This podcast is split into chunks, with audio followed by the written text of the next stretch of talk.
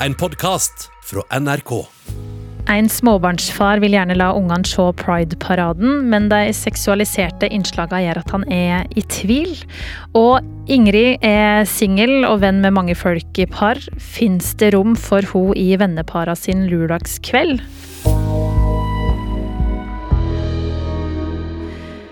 Det er to av dilemmaene som jeg skal ta opp i Etikketaten i dag. Og for å prate om eh, forskjellige typer for eh, kjærleik og relasjoner, så har vi invitert hit eh, Tore Petterson. Du har jobba for menneskeretter og solidaritet i livssynsorganisasjonen Humanistene. Men flest assosierer det vel kanskje med Skal vi danse?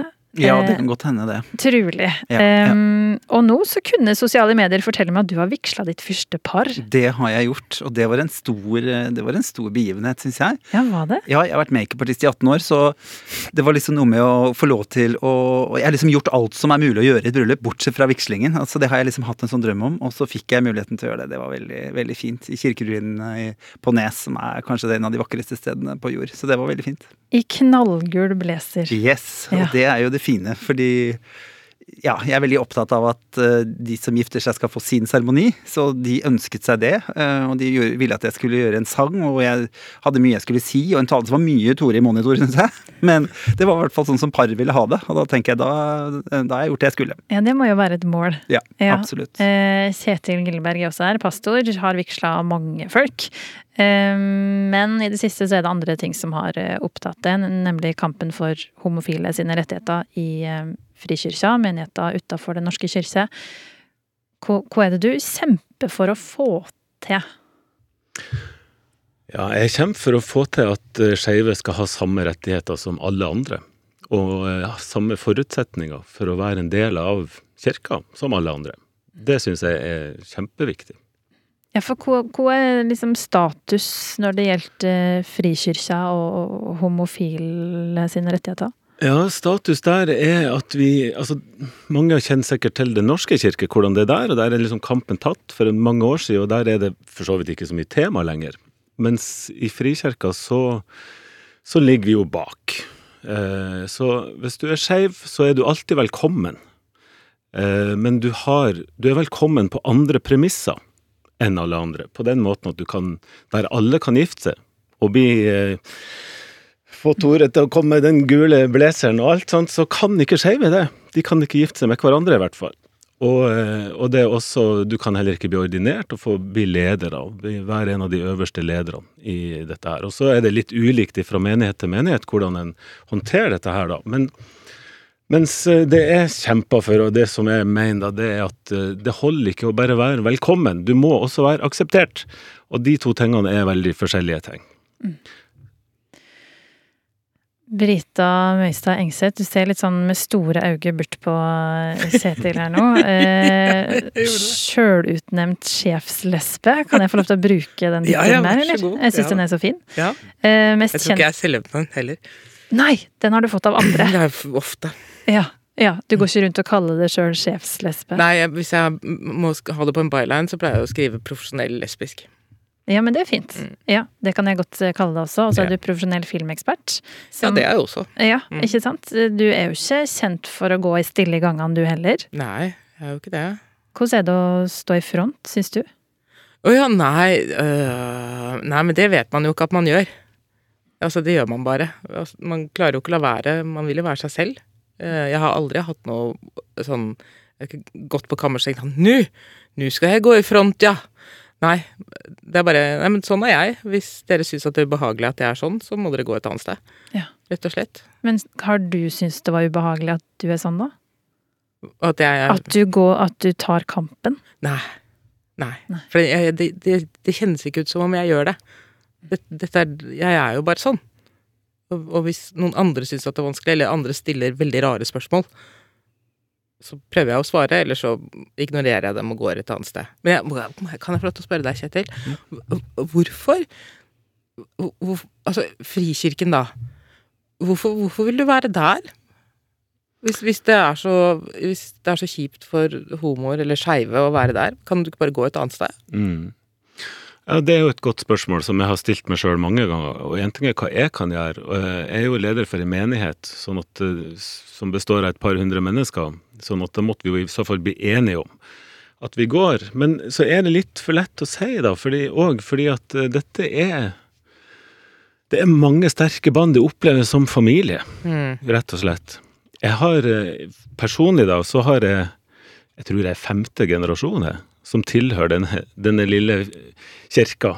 Så det er masse, masse band, eh, personlige band. Og så er det så er det mye bra der òg, da. Mm. Sant? Jeg har Jeg kommer rett ifra Sørlandet, og der er det Og har liksom kjempa litt for dette her, da, og, og, og fortalt hvor jeg står og hva jeg mener, og sånn og sånn, og så kommer det en gammel mann på 85 eller noe sånt bort til meg, og så sier han Jeg er altså så uenig med alt du sier, omtrent.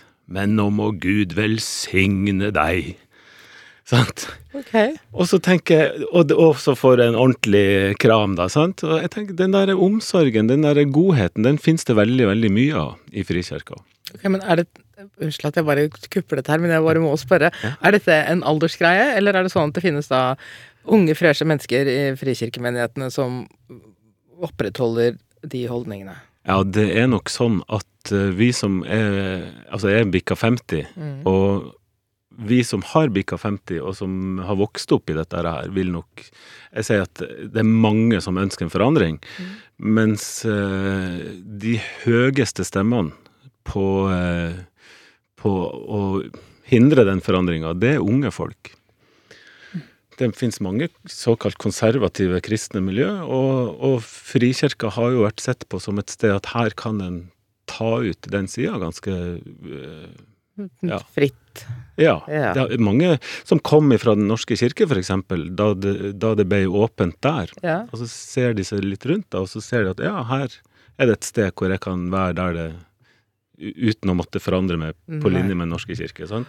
Wow. Så når vi nå da kommer noen få år etterpå Mhm. Og, og lansere dette her, at nå må, nå må vi være med, nå må vi nå må vi ta dette her, da, så, så er det jo fryktelig mye motstand på det. Eh, Altså, jeg forstår ikke hva de For det er jo noe de er redd for. Ja, det som Hvis jeg skal ta det i forsvar, da, og, er, er det, og det vet jeg jo ikke om de vil engang, fordi at jeg er jo en verdens dårligste forsvarer for, for dette her, men det jeg har veldig respekt for, da, Ja. det er jo at, at disse folkene, ung eller gammel, eh, tenker at det står i Bibelen at Og så er det så alvorlig for dem, da, at det trumfer alt. Og det er masse eh, Det er masse forståelse og mye sorg, egentlig, over alle skjebnene dette skaper. Sånn at når jeg prøver å formidle, og vi har i den kirka der jeg er eh, pastor, der, der er det mange skeive. Og, og når jeg prøver å formidle hva er det fortida deres, hva er historia deres, hva kommer i bagasjen inn her, så gjør det jo kjempeinntrykk. Sant? Fordi at det, og alle har vi sår, men, men veldig mange har jo hatt sår på grunn av å ikke bli akseptert, da. Sant? Og det forstår alle. Men så trumfer dette at Bibelen sier noe helt annet. Så det, vi, det som er på en måte Det vi prøver på nå, da, det er jo også å si ja, men ok, kan vi ta den Bibelen, da, og så se om det er mulig å lese dette på en annen måte enn vi har gjort før? Se på teologien i det. Det er jo det, dit vi må gå, da. Fordi at der mener jeg, og en del andre, at der går det an å lese disse skriftstedene og Bibelen som fortelling og som helhet på en helt annen måte, og konkludere annerledes. Og det er klart at det er skummelt. Det er det som er skummelt. Fordi at hvis du begynner å å Hvis du tar den ene delen der, da, så, så må du ta alle andre ting også. Og nå står en på en måte veldig trygt, og har stått veldig trygt på, egne, på egen hånd, da. Så hvis du begynner å røske i sånne ting, så, så er det frykt for følgefeil og litt av hvert. Og det kan jeg forstå, sånn rent menneskelig. Jeg kan forstå det også, at, en, at det finnes en teologi som sier det. Det er på en måte greit. Men, men nå har vi funnet ut at vi er nødt til å gå dit, og så ja, ta det derfra. Debatten blusser jo stadig opp rundt eh, treng med pride. Treng med å kjempe for eh, mangfold og fri kjærlighet. Og Kjetil, jeg vil bevise på at eh, noen må fortsatt stå i kampen. Eh, fordi mangfold er ikke akseptert overalt her til lands. Og vi skal jo inn i et pride-dilemma snart. Men uh, først så pleier vi liksom å rote ned i livssynet til de som sitter i Etikketaten. Og um, Tore, du har jo jobba i en livssynsorganisasjon. Men hva tenker du egentlig er uh, ditt livssyn? Uh, jeg er nok uh, humanist. veldig opptatt av at jeg har troen på at mennesker kan gjøre godt. med god Eh, holdt på å si oppdragelse, med, god, med god, eh, en trygg, trygg, god barndom, eller i hvert fall trygge mennesker som er gode på å møte, møte folk der de er, da. Så tenker jeg at vi kan, eh, vi kan skape trygge mennesker som, som også kan, kan, utrette og gjøre fantastiske ting. Og det er jo litt innenfor det temaet som vi er på her nå også, at det skal krefter til. Ehm, men når det er sagt, jeg, jeg syns jo det er veldig viktig for meg også at, at eh, det finnes en del kristne humanister, og det finnes uh, muslimske humanister. Uh, så jeg er veldig åpen for at vi møtes under, under humanistparaplyen. Og så, og så syns jeg at kultur og, og, religion skal på en måte være, være opp til hver enkelt person, da. Så jeg kommer fra en kristen bakgrunn selv. Og fikk på en måte min frelse gjennom å ikke måtte tro.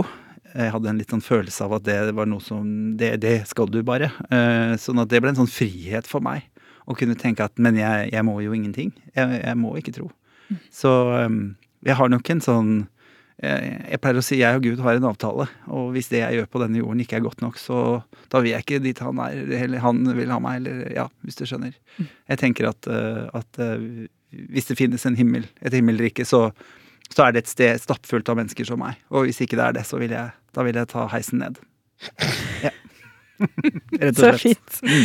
Eh, hvordan er det med det, Brita? Er det, er det en gud i ditt eh, verdenssyn? Uh, ja, Steven Spielberg heter han. Ja, ikke sant? Mm. Mm. Det er så høyt opp du kommer. Mm. Ja. ja, eller James Cameron. Hellige trener. James Cameron, Steven Spielberg og David Fincher. Ja, Catherine Biglow. Unnskyld, Catherine Biglow. Mm, der har vi det. Ja. Jomfru Maria. Ja, mm. ja riktig. Så, så hvordan Vil du si at du da er humanist som Tore, eller? Ja. Altså, ja. Ehm, jeg tenker at det noe av det viktigste som har skjedd eh, moderne mennesker, var den dagen vi fikk lov til å si nei til Gud. Ja. Mm. Det er absolutt frihet, er å kunne si nei. Tar du heisen ned fra himmelen, eller tror du ikke den eksisterer engang? Er da? Har vært masete nok på denne planeten her man ikke skal måtte styre i en evighet etterpå. Jeg tenker at nei, da, da er vi bare vi er ferdige, da.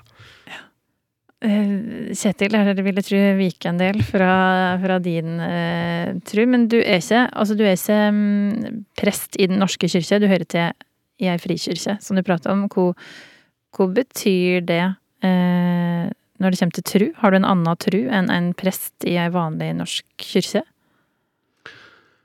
Uh, nei, jeg tror vi vil si at vi tror på den samme kristne Bibelens Gud, ja. Uh, så det gjør jo jeg òg. Men hva trua betyr for oss, det kan jo sikkert være ganske forskjellig. Uh, for meg så betyr den kjempemasse. Jeg, jeg tenker at det, ja, det er noe jeg ikke forstår meg på bestandig, men noe jeg klamrer meg til, og som faktisk gir meg veldig mye håp og masse glede, som eh, Ja. Som, som jeg vil ha, da. Mm. Mm. Hvor, hvor eh, Nei, jeg skal ikke gå inn i det. Jeg skal ikke, jeg skal ikke lokke det inn i heisen, det også. Men, Nei, men det, jeg skjønner veldig godt Hvis Gud er kjip, da, sant? Så vil jo ikke jeg heller dit. Da, da snakkes vi i heisen. Jeg blir med dit, sant? Eller, sant? Men jeg har jo et bilde av Gud. Jeg har en oppvekst og en tilværelse der Gud For meg er Gud opphavet til alt godt. Og så det der alt det gode man kan tenke seg til, sprenger ut ifra i, i, i mitt bilde. da, også. og da tenker jeg jeg vil gjerne være der. Eh, og, og, Gud er ikke skummel, Gud er ikke farlig, og Gud er ikke kjip. Gud er for meg et veldig godt gudsbilde, da. Eh, eller positivt gudsbilde. Som gjør at, eh, at jeg forbinder med masse håp. Med masse Ja, masse håp. Vi tar med oss eh, ulike synspunkter her inn i Etikketaten. Vi skal åpne innboksen vår og gå i gang med dilemma, og vi tar imot flere e-poster med. Så hvis du som hører på har et spørsmål som du har lyst til å utfordre panelet vårt på, så er adressa vår etikketaten krøllalfa nrk.no. Rundt bordet her sitter eh, tre personer som alle har eh, heva stemma si for eh, fri kjærlighet på ulike vis. Kjetil Gilberg som pastor i Frikyrkja, Tore Petterson som en regnbuefarga stemme i media, og Brita Mystad Engseth som samfunnsdebattant og profesjonell lesbe. Nå ble det riktig. Ja, det var veldig kult. Ja. Vi har fått en e-post fra Thomas som skriver Hei, jeg er en småbarnsfar som ser på meg sjøl som veldig liberal, og jeg har flere homofile venner. Likevel så er jeg svært usikker på om jeg skal ta med ungene mine, som er 9 og 13 år, for å se årets Pride-parade. De syns ikke homofili er annerledes, men vil de ikke få det inntrykket til å se paraden? Og hvordan skal jeg forklare nakenheten og alt som virker veldig fremmed for deg? Helsing Thomas. Skjøn, skjønner du skepsisen som man har, eh, Tore? Nei. Det gjør jeg ikke. Nei. Ehm, jeg syns det er trist å pålegge barn skam i forhold til kropp. Jeg har vokst opp med mye skam selv. Det tror jeg mange på min alder har, har opplevd. At nakenhet var noe som var negativt. Jeg hadde en mor som ikke likte eh, nakenhet, og en far som var nudist, så hjemme også var det veldig tydelig eh, på en måte. Og jeg var jo sånn som pappa, da, ikke sant, og, og følte på en måte at at ved å ikke like eh, hans kropp på en måte, så, så likte hun heller ikke min, eller at det var noe som var skamfullt med min. Jeg tror ikke du kan se noe mer i en parade enn det du kan se på stranda om sommeren. Jeg har aldri opplevd eh, paraden som veldig seksuell. Eh, jeg tenker at seksualisering skjer i et menneskes hode, eh, på en måte. Det er ingen som ligger med hverandre, det er ingen som fingrer hverandre, det er ingen som knuller hverandre i paraden. Eh, Det er noen som går i, i G-streng, eh, og det tenker jeg det er flott, da. eh, Å se litt kropp, se litt forskjellige typer kropper. Noen går med puppene løse, og det syns jeg vi burde gjort mye, mye, mye mer. Jeg syns det er rart at vi har et så vanskelig forhold til nakenhet, og jeg syns det er trist at vi pålegger dette på barn. De voksnes tanker eh, på disse tingene. Jeg tror barn eh, ser på det som at mennesker har det gøy. Vi feirer. Man har på seg litt andre klær når man feirer bursdag enn det man har i hverdagen når man går på skolen. Det gjør man også når man feirer en, en sånn type dag. Og jeg tenker at det å lære at vi mennesker har så forskjellige måter å feire på Det er jo dragartister, det er mennesker som kler seg i, i drakter som, som er fra deres kultur, det landet de kommer ifra. Ehm, jeg tenker at det viser mangfold. Det viser hvor forskjellige vi mennesker er. Og vil du at barna dine skal bli en del av dette samfunnet, så tenker jeg det er kjempeviktig at vi også tar med oss nakenhet. Tar med oss hud, tar med oss feiring, tar med oss festen og ser masse mennesker som feirer hvor langt vi har kommet hit. Og også blir minnet litt på hvor langt vi har igjen når det kommer til resten av verden. da.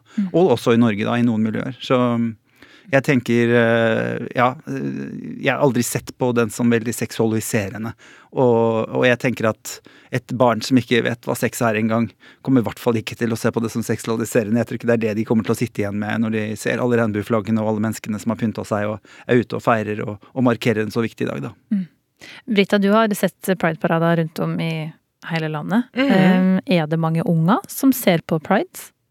Om det er mange unger som ser på pride? Ja. Ja, det er mange fornuftige voksne øh, personer der ute som tar med barna sine og ser på dette, eller som til og med er med og, og går i toget. Uh, og jeg må vel si, jeg er helt enig med Tore, jeg er litt bekymret for Thomas som tror at det barna hans ikke allerede har sett mye grimmere ting på internett allerede. Uh, og dette med å hele tiden dra inn uh, sex, seksualitet når man snakker om pride, er veldig frustrerende, fordi um, la oss si karneval i Rio, hvor folk har enda mindre klær på seg enn de har i en norsk pride, som ofte er litt kjølig. Uh, det er eksotisk, og det er flott, og de feirer livet, og de feirer menneske og kultur og sånn, men med det samme man da antar at det er skeive som gjør det samme, så gjør de det helt sikkert fordi de har lyst til å stikke tissen sin inn i noen andres. Og jeg blir sånn Hold opp med det. Vi har ikke mer tid til å tenke på sex enn dere har. Og det er ikke Og vi er travle. Men hvis en googler pride, da, så er det jo de bildene som kommer opp. Eh, For eksempel eh, så er det et bilde som nylig har vært masse brukt i media av ei eh, mann, mann og kvinne i liksom lakk og lær. Mann kryper på alle fire, og hun holdt han i, i bånd. Ah, ok, en sånn SMBDSM-greie. Ja. Hvor ja, stor men det, finnes, altså det, er, det er jo ikke en spesifikk skeiv ting. Det er jo ikke en spesifikk homoting. Heteroer elsker jo også lakk og lær. Men hvordan ville du forklart det til en unge på 9 og 13 år? Eh, Eller trengs det ikke forklare? Hvordan man forklarer det? Mhm. Jo, nå skal du høre. Av og til når mamma og pappa vil kose seg, så pleier vi å leke litt, fordi det er ganske gøy og spennende. Noen kan leke mm, at det de har på seg stuepikeuniform, f.eks. Pappa liker veldig godt å ha på seg stuepikeuniform når mamma kommer hjem. Eh, eller så kan noen ta på seg en skinnende blank drakt med, som kalles lakk, da. Eh, og det er ikke noe farlig. Eh, det gjør bare at det, mamma og pappa blir ekstra glad. Og noen ganger så gjør pappaer og pappaer det, og noen ganger gjør mammaer og mammaer det også. Men det er, helt, det er ganske vanlig. Uh, VG pleier å ha saker om dette sånn hver måned, hvor de da rapporterer fra innsiden av BDSM-miljøet, skråstrek swingersmiljøet. Som om det er da veldig avslørende, og det er som regel da bare heteroer. Uh, så jeg tror kanskje uh, Thomas kan jo bare legge igjen uh, VG oppslått på en sånn reportasje, og så kan ungene finne ut av det, men antagelig så vet ungene det allerede. Ja. Ikke pynt på sannheten. Bare gå Mm. Ja.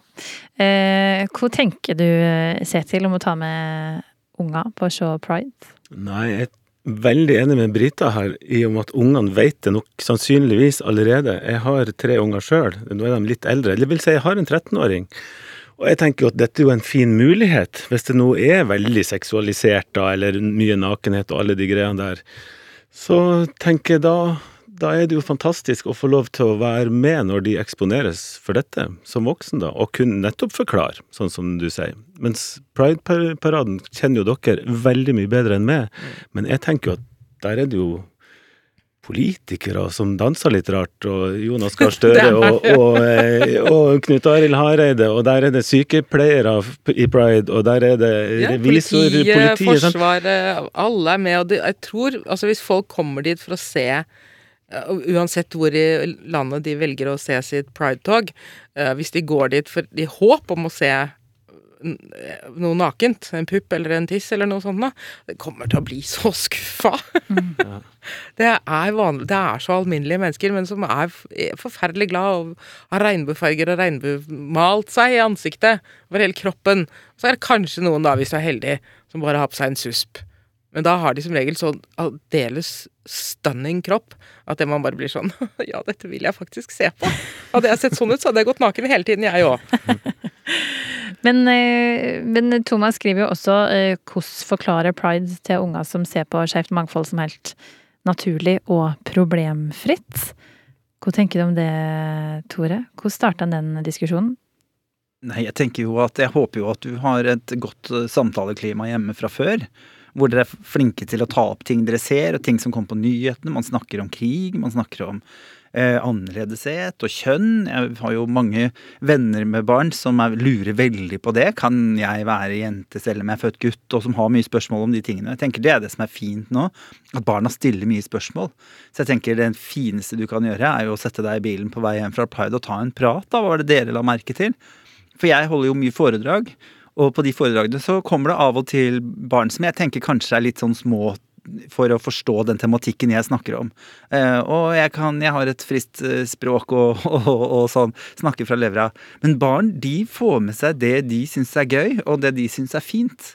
Um, og de blir veldig opptatt av Jeg snakker annet en del om selvmord. Uh, og det, det er sånne ting barna syns er veldig Når jeg snakker om det, at de kan spørre om det på veien hjem. Og så tenker jeg så fint å skape rom for å snakke sammen. Eh, Det er jo ingenting som er bedre enn det. Vi burde vært flinkere til å oppsøke såkalte provo litt provoserende ting, da, sånn at barna kan få lov å stille de spørsmålene de har. Men barn får ikke med seg et helt bilde. De har ikke lært om forhåpentligvis eh, seksualitet helt ennå.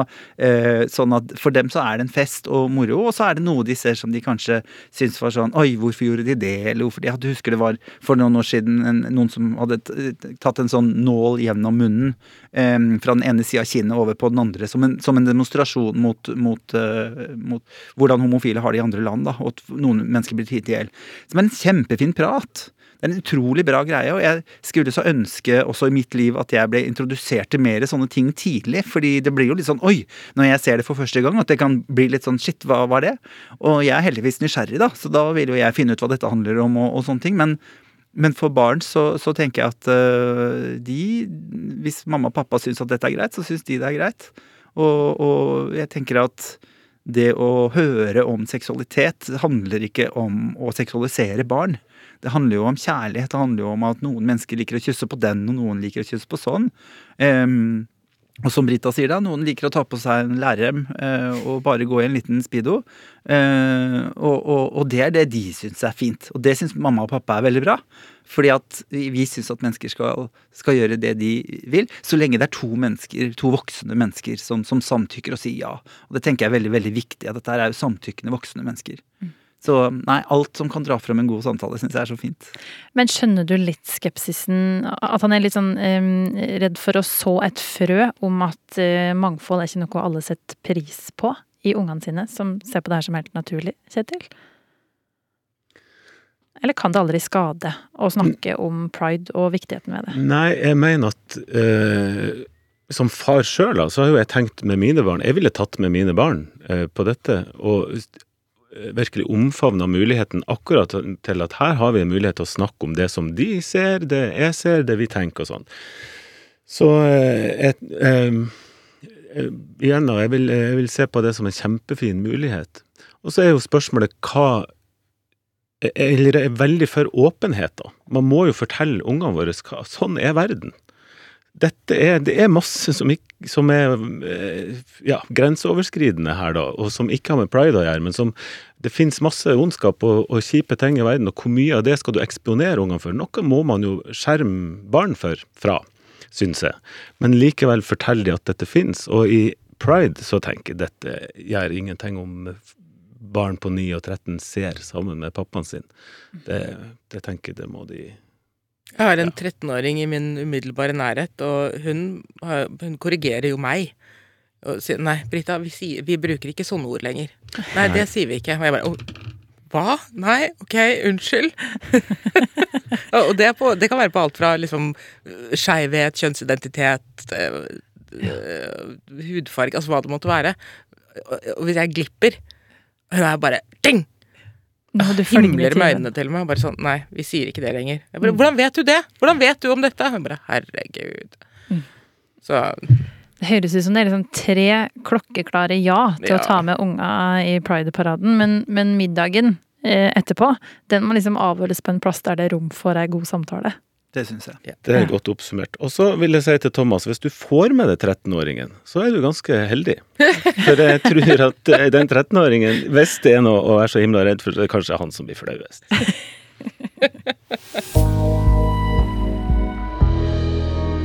Nå så har eh, single Ingrid sendt ut en e-post, et eh, hjertesukk.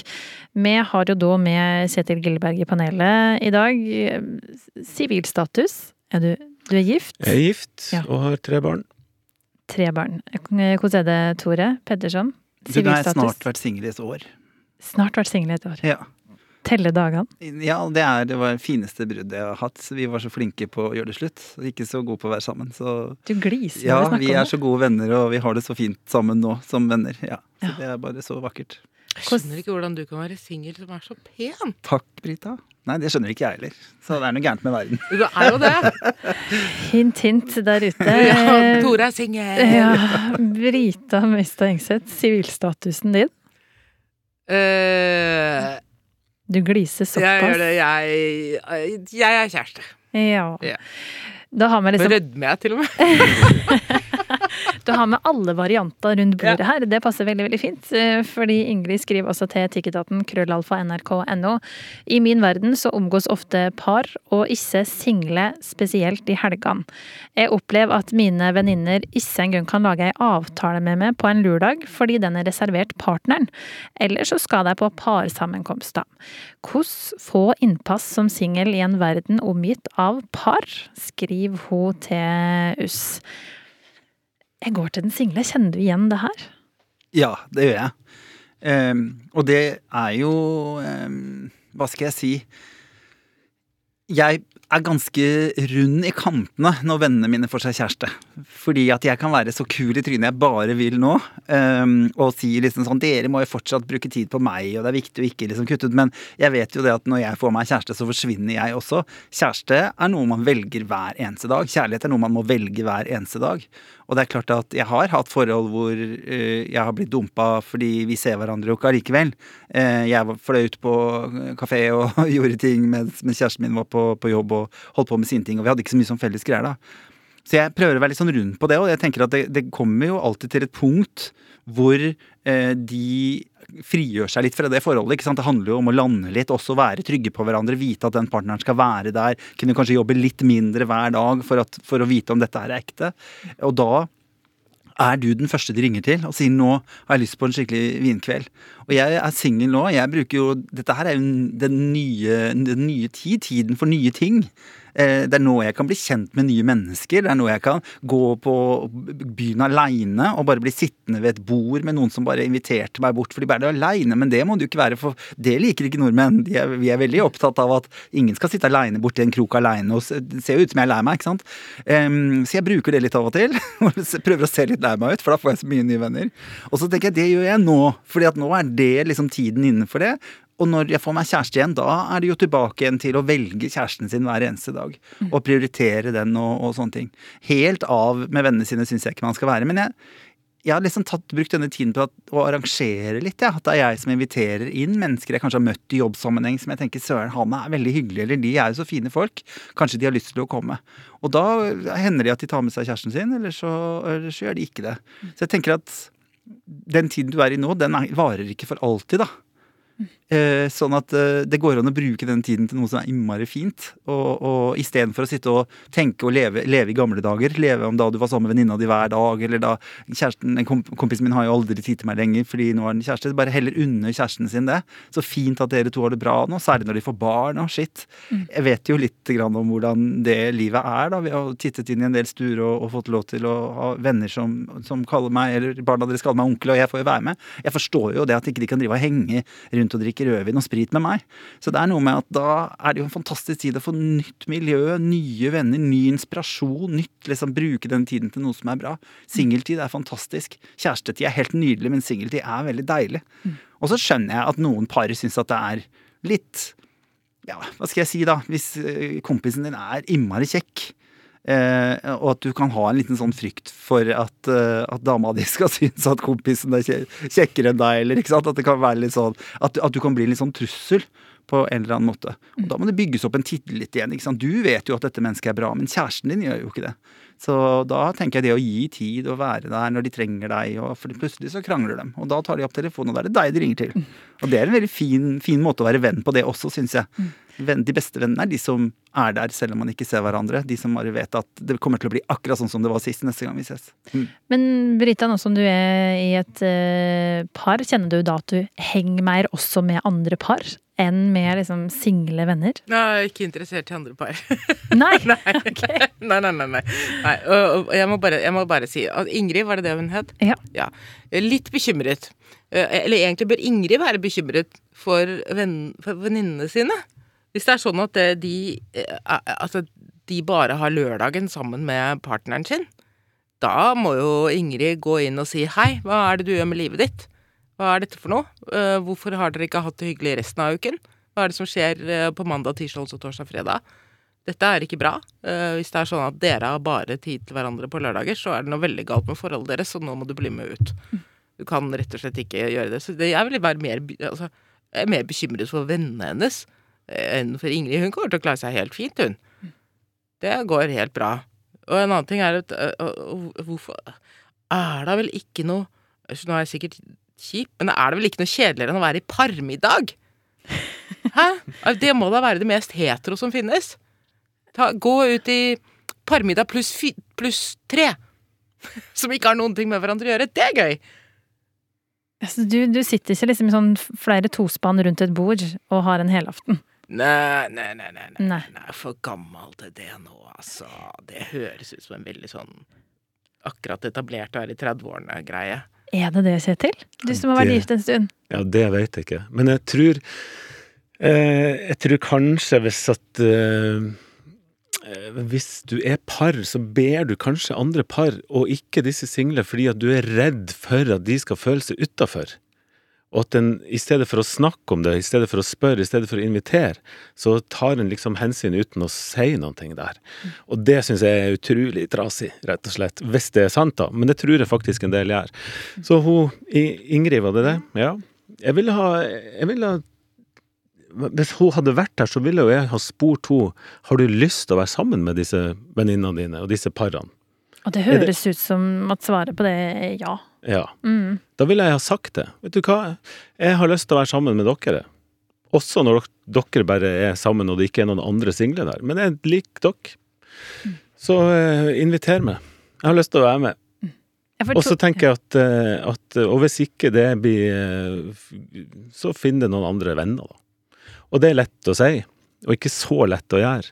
Det er ikke alle som er Tore. Og så er det litt interessant om det er det, For det står det vel ingenting om hvorvidt dette er i byen, eller om det er på bygda. For hvis det er på bygda, dette her, så er, og jeg kommer fra verdens minste plass, og det er klart at hvis det er disse som finnes, da, så må du få det til på et, et eller annet vis. Hvis, men vi som bor i Oslo og har alle muligheter her, sant, så er det en annen, en annen utfordring. Og da vil jeg nok tenkt mest som Tore, se litt utover, da. Ta, benytt sjansen. Mens eh, hadde du vokst opp der i bygda mi, så hadde jeg gjort, jobba hardt for å få dette til.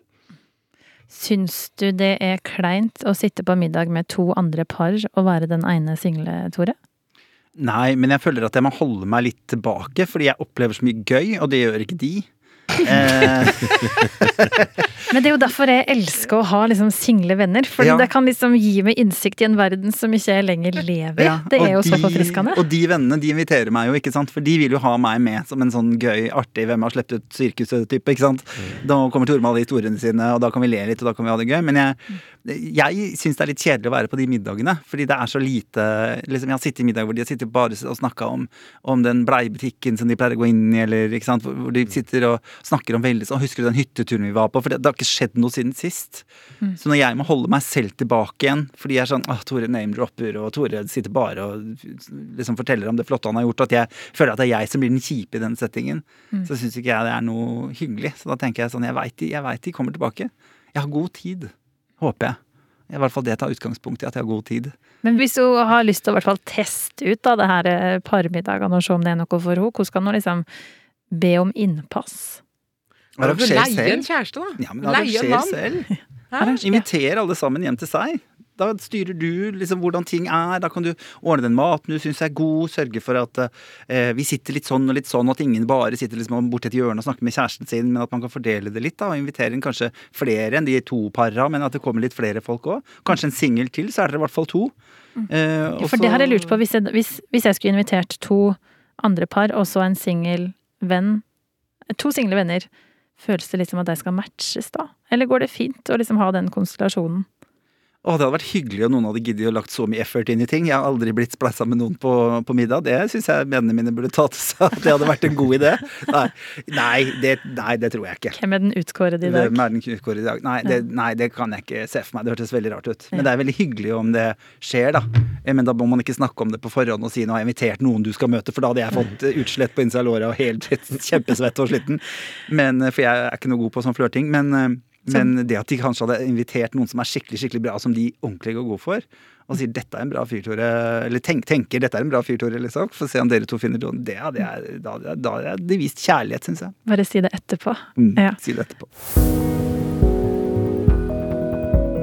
Her i Etikketaten i dag så har vi med tre som har eh, provosert og inkludert med de ulike stemmene sine. Kjetil Gilleberg som pastor, Tore Petterson og Brita Møystad Engseth med sine kjente ansikt og penner. Men det er nok sier ved Dikkon som de fleste ikke kjenner så veldig godt, som vi nå skal eh, prøve å få tak i når det skal trekke spørsmål fra vår hellige gral. Brita, du kan jo få mm, begynne å trekke. Grønn lapp. Er det viktig for deg å bli likt av alle? Nei. Og det, det, det, det svarer du med den største eh, overbevisning? Ja. Ja. eh, jeg har jo vært der hvor det å om ikke bli likt av alle, men å bli likt av så mange som mulig, var viktig. Mm. Og det er jo helt horror. For det er ikke mulig. Og man blir syk av det. Av å tenke at det er viktig. Tore vet akkurat hva jeg snakker om. Oh yeah. Mm. Ja. Mm. Jeg, er veldig opptatt av, jeg var veldig opptatt av å bli likt av alle. Mm. Eh, det, er en, det er en slitsom oppgave. Mm. Og eh, eh, jeg tenker at alle mennesker Hvis man spør 100 mennesker, så er det 100 forskjellige svar på hvordan de syns at du burde være på håret, og hvordan du burde oppføre deg og snakke. Og, og jeg tenker at eh, du får like det jeg er. Jeg er selvfølgelig i forandring hele tiden, jeg. Eh, så det kan godt hende du liker meg om to måneder og ikke liker meg nå, men, men jeg tenker at det er jo opp til meg hvordan jeg skal ha det. og og kjenner jeg blir sånn sliten av mennesker som har veldig mye meninger om hvordan jeg skal leve mitt liv. Og jeg tenker Det er jo kanskje en av de feil, største feilene vi mennesker gjør. Da, at vi tar utgangspunkt i vårt liv hele tiden for å mene noe om hvordan andre skal leve sitt. Fordi det, dette funket for meg, så da funker det sikkert for deg også. Um, så jeg, jeg, jobber veldig med å slutte å gi råd, f.eks. Det har jeg slutta med. Eh, det er mye vanskeligere enn man tror, eh, å ikke skulle komme inn. ikke sant? Og jeg har vokst opp med en mor som elsker å ta deg en Paracet, det hjelper for alt. Eh, men det å bare kunne sette seg ned og møte der mennesker er, da Jeg tror det var Søren Kirkegård som sa så fint at magien bak all hjelpekunst er jo å møte mennesker der de er. Og møte de med sitt, og ikke, ikke gi de rådene. For det å gi råd handler veldig ofte om um, om at jeg ønsker å være svaret på problemene i ditt liv. At, at det er jeg, egentlig så handler det om at jeg vil, vil hylles for det, for det, jeg ga, da. Mm. Uh, så, så, nei, jeg tenker folk får bare ta meg som jeg er. Og når de ikke syns at det er noe gøy lenger, så, så, har jeg masse folk som heier på meg, og som støtter meg. Og, mm. og, og da bevarer jeg dem, og så, og så kvitter jeg meg med resten. Er du enig med gjengen her, Kjetil? Ja, jeg er det, altså. Men jeg tenker at det skal være Altså, du skal være litt trygg, da. Det, jeg tenker at det er veldig menneskelig å ønske at alle skal like det. Og så skal de, de Og så er på en måte svaret som både Brita og Tore sier, helt enig i at det, det, kan man ikke gå rundt og jobbe for. Det blir, det blir for tøft. Men du skal samtidig være litt trygg på det sjøl, og du skal ha noen som heier på det, og du skal på en måte ha et ja, et trygt sted, da. Men husker du ikke når det liksom snudde? Når en fant den tryggheten? Ja, for, for, min del så har det kommet med alderen. Altså eh, Har mindre og mindre å forsvare. Færre ting som eh, jeg må bevise, og ting som var veldig viktig å hevde seg i. Det er, ikke, det, er liksom andre verdier da, som, som teller. Så eh, Nei, så det I mitt tilfelle har det kommet med årene. Jeg har vært masse, veldig usikker og ønsker å bli likt av alle, men det går jo ikke. Mm. Og ja. Husker du når du fant den tryggheten, Brita? Um, ja, altså, nå, altså Jeg tror Tore og jeg har de stort sett de samme erfaringene når det gjelder det å ha vært synlig i media. Altså kanskje litt brått og litt uventet, og så uh, ble jeg Altså, jeg ble i hvert fall veldig høy og mørk i en periode på meg selv, fordi at når veldig mange mennesker springer rundt og sier at 'Å, du er så kul, og det er så bra det du gjør', og sånn, så blir man sånn 'Ja, det er jo kanskje det', og uh, Og så blir man da veldig opptatt av de som ikke synes det. Uh, og, det kan, og vilt fremmede mennesker altså Man sitter og bryr seg om hva vilt fremmede mennesker måtte mene om, om meg. Uh, og det, altså Han var jo ødeleggende rett og slett. Um, så jeg krasjet. Altså, jeg ble syk. Jeg ble psykisk syk av det. Um, et, når jeg liksom kom til meg selv igjen, da, så skjønte jeg jo at det Det er jo ikke noe vits å være redd for mennesker du, altså, mennesker du ikke kjenner. Altså, nå er jeg bare redd for folk jeg kjenner, eller er i familie med. Det er jo de, de man må passe seg for. Det er jo de som vet alt. Um, men altså Mennesker jeg ikke kjenner, mennesker som jeg bare ser en gang, eller man holder et foredrag for, eller gjør en jobb sammen med, det er, det er jo bare hyggelige, alminnelige mennesker som har mer enn nok med sine egne liv. Om de ikke skal måtte bry seg veldig mye om mitt i tillegg. Det gjør det antageligvis ikke. Jeg tror det er kanskje det mest befriende man kan Det bildet man bør ha i hodet, er den tiden jeg bruker på å tenke på meg selv, bruker andre til å også tenke på seg selv. Her i Etikketaten nå så sitter eh, Tore Petterson, kjent fra TV, må jeg si. Eh, skal også gi ut plate, har jeg nå lært. Eh, og Kjetil Gilberg, som er pastor i Kraftverket menighet i Oslo. Brita Møystad Engseth var her, måtte springe. Men eh, Dikkon skal få lov til å trekke en utfordring eh, til. Vi slipper ikke Dikkon helt ennå, nemlig. Eh, har du lyst til å trekke en lapp, Tore, fra Den hellige gral? Det har jeg. Da har jeg lyst på en oransje lapp, tror jeg. tar den der nede. Hvor er ditt hellige sted, Kjetil? Kompispass over til han Ja, på andre sida Det var, det var kompispasning. Mitt hellige sted Er, tror jeg Hm Ja, det kan være mange plasser, egentlig, men det, åh, Nei, dette var vanskelig, syns jeg. Du som egentlig liksom har tilhørighet i ei kirke, men det er ikke de tankene går eh, Nei, det først er faktisk ikke det. Sant? Jeg, jeg er så mye i den kirka at det er veldig hellig på en måte, og det er et sted jeg føler meg veldig hjemme. Men det er et sted eh, Jo da, jeg kunne ha sagt det. Men jeg tror kanskje det å fyre opp, eh, fyre opp den lille båten vi har i nord når ferien er kommet, og så vet at eh, at sjøen er akkurat rett, som vi sier, at han er akkurat, nå er det rett tidspunkt, og du vet at du får fisk, og jeg vet akkurat hvor jeg skal dra, mellom den holmen og ut på den fjorden og sånn, og så bare hive ut, og så kan det gjerne være fantastisk vær, det kan være dårlig vær, det betyr ingenting. Men da er det, da er alt annet borte, altså. Så eh, det er et sånt sted som jeg går og gleder meg til gjennom hele vinteren å komme til. For det er en sånn sommer, sommerplass, da, siden jeg ikke bor der oppe, da. Så fint. Det høres jo veldig fristende ut å reise til den plassen der. Ja, det er fristende for meg, i hvert fall. Mm, Ja. ja. Varer det en stund, den følelsen som du har fått når du eh, har vært der? ja, den varer i hvert fall på den måten at den kommer tilbake år etter år. Mm. Sånn at eh, Nei, det er ordentlig fint. Men jeg har jo hatt veldig behov for å løsrive meg hjemmefra, ikke fra familien min, men fra det å liksom komme til Oslo, da. Få utforska livet og få, få muligheter som vi ikke har i små bygder uansett, og i hvert fall ikke nordpå. Men jo eldre jeg blir, jo mer nordlending blir jeg, altså, her i Oslo. Sånn at jeg får, har, føler veldig tilhørighet til, eh, til folk, til lynnet der oppe, til, og ikke minst da natur. Så det å, å ha den uka eller to som, som vi har da hver sommer, eh, hjemme hos foreldrene mine på gården der jeg har liksom vokst opp, og som har vært siden oldeforeldrene mine, så, så føler jeg veldig sånn tilknytning der, da. Hvordan, hvordan ser omgivelsene ut?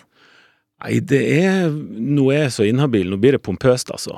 Men det er postkort. Det er, det er fjell rett opp ifra havet, da. Svartisen ligger der og har en sånn brearm som heter Engenbreen, som, som bare som ligger nedover. Så det er hvite topper, høye fjell, fantastisk turterreng, og så er det bygd med Ja, og så er det rett ut i havet, da, med holmer og skjær. Så eh, det er veldig Det er sånn som du har sett på Det er sånn som Nord-Norge ser ut. Skal se ut. Ja. Og så alltid midnattssol. Alltid. Altid, Alltid. Aldri en sky på himmelen, og bare fint. Ja. Så vakkert. Um, Tore, har du kommet på din hellige plass? Ja, det var litt sånn vanskelig for meg å velge hvor jeg skulle gå. Jeg er blitt veldig glad i hjemmet mitt eh, på Grünerløkka i Oslo. Jeg syns det er deilig å være Etter at jeg liksom vente meg til at det var godt å være aleine, jeg fikk stilna liksom Jeg har hatt mye uro i kroppen min alltid. Alltid vært sånn som arrangert masse middager, invitert mennesker, måtte ha mennesker rundt meg hele tiden. Så når jeg klarte å lande det, og den uroen på en måte forsvant, så syns jeg det er veldig deilig. Og, og min leilighet ser jo ut som en kirke, da. Eh, Jeg er jo veldig glad i ritualer, jeg er veldig glad i ikoner. Eh, Så jeg har kjøpt eh, religiøse symboler og ikoner alle steder hvor jeg har vært over hele verden. Så jeg har alltid fra Nepal til eh, Budapest og var i Kroatia for tre år siden. Og så jeg tar liksom med meg sånne. Så jeg har mye, mye religiøse symboler hjemme. Yes. Det har blitt et veldig sånn fint og rolig sted for meg. Jeg synes det gir en Jeg har jo vokst opp med kirke, så for meg så er det noe med den, ro, den roen som er der. Jeg tenker at for meg var det ikke var det ikke kirkerommet som, som gjorde meg vondt, det var på en måte menneskene som tilhørte. da, Og det var også veldig mye fine folk der, så jeg hadde mye fine opplevelser der også, da. Så jeg tar med meg den følelsen. Men jeg har et sted ute på Langøyen i Oslo, på nudistdelen der. Jeg er ingen nudist, men, eh, men jeg går ikke dit for å titte på folk. Jeg finner, Der er det en sånn grop. Eh, nedi som jeg sitter nedi med en liten sånn der gress i bunn. Og der sitter jeg og griller og sover og eh, hører på deilig, ofte Monica Settelund, som er sånn musikk for meg om sommeren. Eh, det tror jeg er liksom mitt helligste sted. Det er det stedet jeg drar til når jeg trenger ro. Eh, I hodet mitt så kan jeg reise dit, enten fysisk, men at jeg også kan reise dit eh, gjennom meditasjon, eller, eller at jeg kan bare lukke øynene mine og dra ut dit, høre. Eh, og det er også veldig opptatt av vann, da. Var ei som sa til meg å dra til vannet hvis du har uro for kroppen kopierer det, eh, omgivelsene sine. Så dra til vannet, for der er det alltid vannrett. Og det syns jeg var litt sånn fint, så, så jeg har fått en sånn veldig godt forhold til det med å være ved vann, se på vann. Um, så jeg tror ja, Langøyene er, tror jeg, er mitt helligste sted. Det dit drar jeg ofte.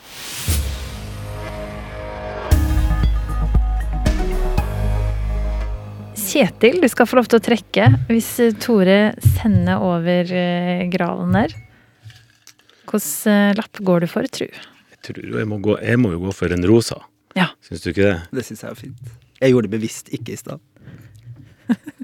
Her står det Hvem er forbildet ditt? Oi. Tore, nå får du lissepasning fra Ja. meg denne gangen. Hvem er forbildet mitt? Uh, jeg har jo er så heldig å ha så mange. Jeg tenker at det er eh, Det har kanskje Nå snakker jeg uten å vite, selvfølgelig. eh, Ikke, faller ikke like naturlig for heterofile mennesker, kanskje. Det der å ha mennesker som har stått opp for deg og kjempet for din, din kamp, da. Jeg var så heldig. Jeg var eh, var eh, 20 år, rundt 20 år, hadde fått min første kjæreste. Han bodde i Oslo, og han tok meg med på eh, Tim kafé, som var ta imot nye. Eh, og der var det foredrag med Kim Friele. Og Kim Friele sa, eller hun startet hele foredraget med å si et folk uten historie er et folk uten fremtid. Vi må kunne våre historier for å kunne lære av våre feil og gjøre bedre. Og det foredraget det husker jeg som om det var i går. Det sitter så innmari i kroppen min. Jeg syns at hun har vært så viktig. Hun har gjort så vanvittig mye bra. Um, hun har jobbet så veldig med å få oss inn i norsk historie, i, skolevesenet. Jeg tror at hvis folk hadde visst mer om oss, så hadde de også forstått mye mye mer av hvordan det har vært og er å være oss på veldig mange måter. da. Jeg syns hun er viktig. Men jeg syns Great Garlic Girls Herregud, jeg hadde en VØS-kassett med et show på Humla med dem som jeg så i stykker. Jeg var helt fortvila når den ble ødelagt, og da kunne du ikke bare fly ut og kjøpe en ny. ikke sant? Dette var jo tatt opp på TV. Så Great Garlic Girls, Finn Schjøll, har betydd kjempemasse. Um, så jeg Satt i sofaen og har liksom eh, mima uh, Great Garden. ja, ja, ja, jeg kunne alle, alle. Og jeg Ja. blei jo litt sånn dragartist en periode, og det avgikk. Men, eh, men så fint det Ja, så fine disse menneskene har vært for meg. Det å kunne ha noen som er sånn som meg. Som har betydd ekstremt, ekstremt mye. Og jeg har også fått muligheten til å møte flere av dem også, og, og hvor heldig jeg har vært. Selv om min mor sa du skal aldri møte dine helter, så så har jeg skjønt hva hun mente med det av og til òg, men, eh, men, eh, men det har vært utrolig sånn fint å få møte de som har stått fram, og de som har gått foran og vært, vært forbilder for, eh, for meg da, i den oppveksten jeg hadde. Det var jo vanskeligere å være homo når jeg vokste opp, og da, da var det fint at selv om det var sånn Jeg tror de Garlic Girls er homo, som var morsomt nok. Eh, så, så, så var de forbilder og noe å strekke seg etter for meg, da. At det fantes mennesker som levde godt i å være sånn som meg. Mm. Mm. Det er godt det finnes mange gode forbilder. Mm, det det. Eh, Kjetil, du sitter litt som et tenkeansikt fortsatt. Har du Ja, klart fordi- å peike det ut en? Nei, jeg har eh, Hvis jeg skal gå Nei, jeg må, jeg må snevre litt inn, da, fordi at det finnes så mange forbilder der. Altså, jeg har, jeg har musikalske forbilder, for eksempel, som ikke er noen spesielt gode forbilder på hvordan det er å leve lurt. Eh, Hvem er det, da? Åh, det er mange. Jeg er veldig opptatt av musikk òg. Monica Settelund må jeg jo lære meg, da. Men sant, jeg vokste opp med Beatles. Jeg har Radiohead og Tom York, eh, som jeg nettopp eh, var på konsert med. Det er sånne veldig store navn, da, som jeg beundrer veldig. Eh, ja. Og sant, jeg har jeg, interessert i fotball, sant, så lagene mine og sant, er, da, De blir også forbilder. Sant, men Og så har jeg folk i nær, nært meg som, eh, som, jeg ser ordentlig opp til. En, hvis jeg skal Litt skummelt, men, men en jeg har blitt kjent med de siste årene, som jobber i den kirka som er, som er sammen med meg akkurat nå, heter Tomme. Jeg kan ikke skjønne noen andre i hele verden. Jeg kjenner ingen i hele verden som er så flink til å se det gode i alt og alle som han. Og det inspirerer meg altså. Jeg lærer så mye. Er det mulig å se sånn? Men hvis jeg skal snevre det inn, da, og nå blir jeg prektig, men jeg sa ikke kirke i stad. Men det store forbildet mitt er jo Jesus, da. Eh, rett og slett fordi at måten han levde på, det var å alltid stille seg på de svake side. Aldri noe fordømmelse. Han var helt fantastisk til å virkelig løfte fram de som ikke hadde status, de som ikke var noe verdt for noen andre. Eh, barn, eksempel, i den tida. Kvinner. Folk som hadde havna på utsida. Det fant han en måte å dra de på innsida, og han var uredd på å gå makta rett imot hvis de misbrukte den. Og eh, ja, sånne ting syns jeg er så forbilledlig, da. Og jeg kan ikke tenke på noen andre som har gjort det mer helhjerta, da. Så, eh, så det ble litt prestesvar. Men eh, det er faktisk helt sant. Jeg syns han er utrolig forbilledlig. Mm. Og kunne vidd eh, litt sånn, så hadde det vært topp. Nå skal det få lov til å gå ut i sommerdagen. Takk for at det kom hit til Etikketaten, Tore Petterson, kjent fra TV og nå også vigsler. Brita Møystad Engseth, filmekspert og samfunnsdebattant og Kjetil Gilberg, pastor i Kraftverket menighet eh, i Oslo. Neste uke er vi tilbake med nye dilemma og nye folk her i Etikketaten. Så hvis du har et dilemma som du gjerne skulle hørt andre sine tanker rundt, så må du gjerne sende oss en e-post. Adressa vår det er altså etikketaten krøllalfa nrk.no. Og hvis du har lyst til å høre mer fra oss, så finner du flere episoder som podkast i appen NRK Radio. Jeg heter Kjersti Anderdal Bakken, og vi høres. Du har hørt en podkast fra NRK. Hør flere podkaster og din favorittkanal i appen NRK Radio.